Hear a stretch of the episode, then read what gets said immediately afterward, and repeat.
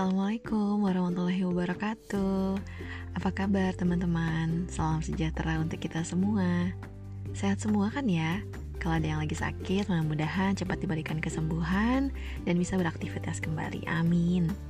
Dan yang lagi galau, lagi sedih, lagi marah, kecewa, tenang aja. Yuk kita terima segala macam bentuk emosinya. It's okay not to be okay. Teman-teman, sampai kapan ya kita terus-terusan kayak gini?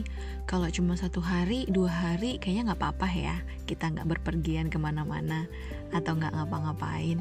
Tapi ini udah hampir masuk 10 bulan, hampir satu tahun. Kapan ya virus corona ini pergi?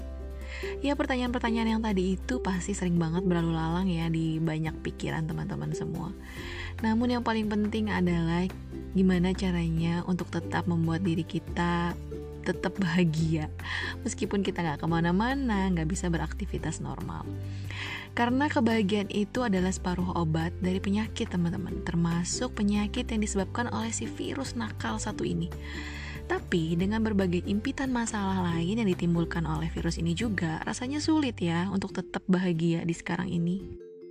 Well, memang ketidakpastian itu mau nggak mau bawa kecemasan buat kita. Kecemasan yang timbul, apalagi kalau berlebihan, itu bisa mempengaruhi mental kita juga loh. Kalau mental kita sudah down, akibatnya daya tahan tubuh kita juga menurun. Virus pun akan mudah menyerang. Iya, virus apa aja, ngeri ya. So, meskipun akan terasa sulit, mari kita jaga diri supaya kita tetap bahagia Seenggaknya kita bisa mencegah dulu nih penyakit itu datang dengan rasa positif dalam diri kita. Gimana ya caranya? Oke, kita ke definisinya terlebih dahulu ya. Definisi bahagia menurut Kamus Besar Bahasa Indonesia adalah keadaan atau perasaan senang dan tentram bebas dari segala yang menyusahkan. Tapi bebas dari segala menyu yang menyusahkan saat ini sepertinya sulit banget ya nggak sih teman-teman? Ada definisi lainnya yaitu dari psikolog uh, pionir psikolog positif namanya Bapak Martin Seligman beliau mendefinisikan bahagia itu menjadi tiga pilar yaitu yang pertama self belongings ketika teman-teman itu merasa benar-benar memiliki dirinya, memiliki value yang membuat orang lain itu menghargai apa adanya dan juga sebaliknya. Terus yang kedua definisinya uh, yang dikejar itu bukan bahagianya, melainkan tujuan dalam hidupnya. Menurut Bapak Martin ini, uh, kita nggak akan bahagia kalau nggak achieve something dalam hidup. Jadi teman-teman sekarang, ayo yang belum punya tujuan hidup harus dipastikan punya tujuan hidup agar bisa lebih bahagia. Terus yang ketiga, pilar ketiga menurut Bapak Martin adalah ketika kita bisa menceritakan diri kita tanpa ragu ataupun cemas kepada orang lain, apalagi ingin pengakuan dari orang lain. Nah, itu tadi definisi-definisi dari bahagia penting bahagia itu. Karena kalau kamu bahagia orang lain juga ikut akan bahagia. Karena bahagia itu nular loh teman-teman. Kebahagiaan juga membuat orang lain memiliki perasaan yang sama. Sama halnya seperti teman-teman kalau lagi cemas lagi sedih itu akan membuat orang lain juga akan cemas. Nah jadi penting untuk ngerasa bahagia terlebih dahulu gitu dan ternyata kebahagiaan itu juga membawa pengaruh pada kesehatan fisik dan mental kita. Contohnya saat kita stres gitu ya, berpengaruh banget pada kebahagiaan kita dan kita jadi akan lebih sensitif dan males untuk melakukan sesuatu. Dan kondisi pandemi COVID ini pasti banyak banget kan aktivitas kegiatan teman-teman yang dibatasin yang kemungkinan membuat teman-teman tuh jadi stres. Nah, pandemi yang belum berakhir juga pasti teman-teman ngerasa bosan dan timbul perasaan yang negatif. Akibatnya jadi nggak produktif, cepat tersulut amarah, cepat sedih yang berlebihan karena nggak bisa melakukan kegiatan normal seperti sebelumnya.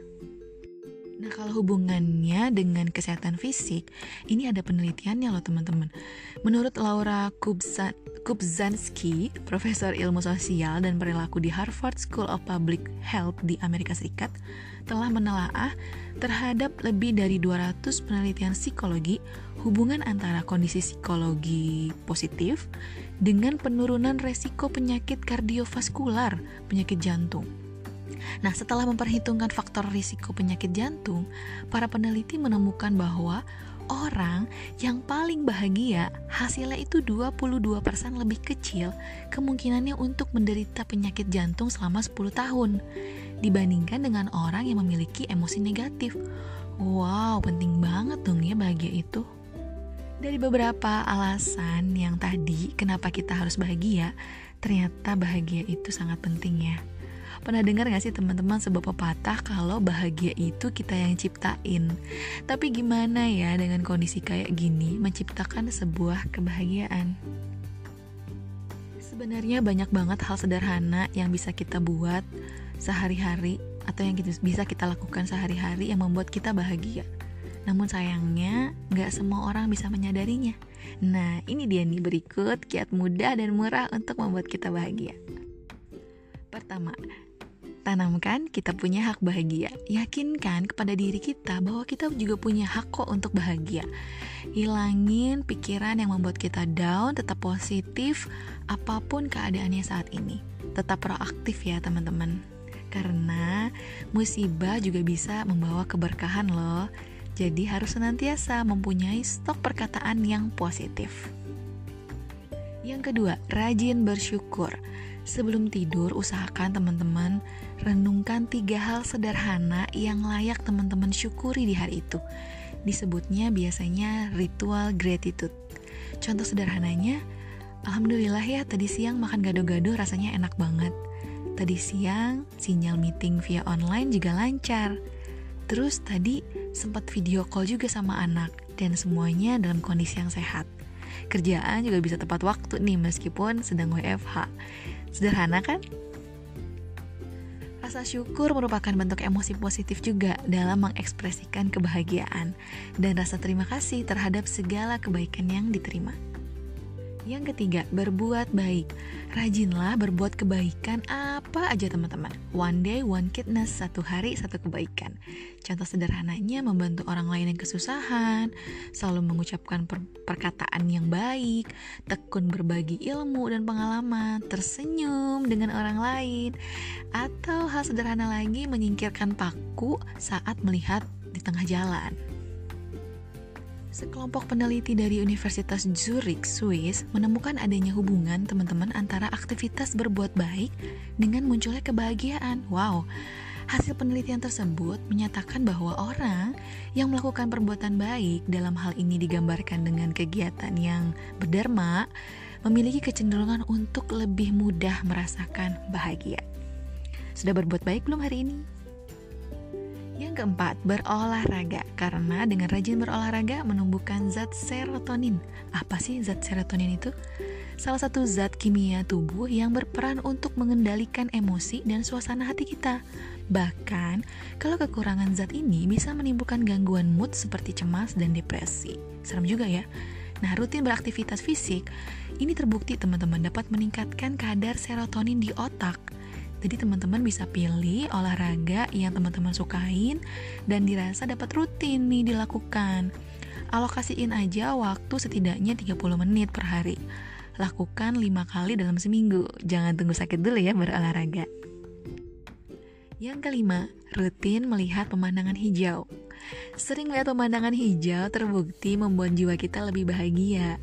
Holly Anne Passmore, mahasiswa doktoral di UBC, Universitas British Columbia, Kanada, melakukan penelitian dengan meminta 359 partisipan memotret pemandangan alam dan lingkungan di sekitar mereka. Setelah itu, mereka diminta menjelaskan bagaimana perasaannya setelah melihat pemandangan. Hasilnya, hampir seluruh partisipan yang memotret pemandangan alam itu, baik berupa pohon, bunga, atau taman, mengaku memiliki mood yang lebih baik. Hasil tersebut tidak terlihat loh pada partisipan yang memotret benda-benda buatan manusia seperti gedung, trotoar, atau halte bus. Jadi hal sederhana yang bisa kita lakukan, kita bisa selipkan tanaman hijau atau bunga di meja kerja kita, atau saat weekend kita olahraga ringan di taman. Jadi dapat sehatnya, dapat juga pemandangan hijaunya. Lalu sempatkan juga nih waktu istirahat teman-teman untuk melihat pemandangan hijau di sekitar wilayah teman-teman. Nah, buat teman-teman yang bekerja di lapangan, pastinya sering ya lihat pemandangan hijau. Contohnya saat di rumah pelanggan, bisa izin untuk motret atau bisa juga jadi bahan basa-basi loh. Yang terakhir, melakukan hobi.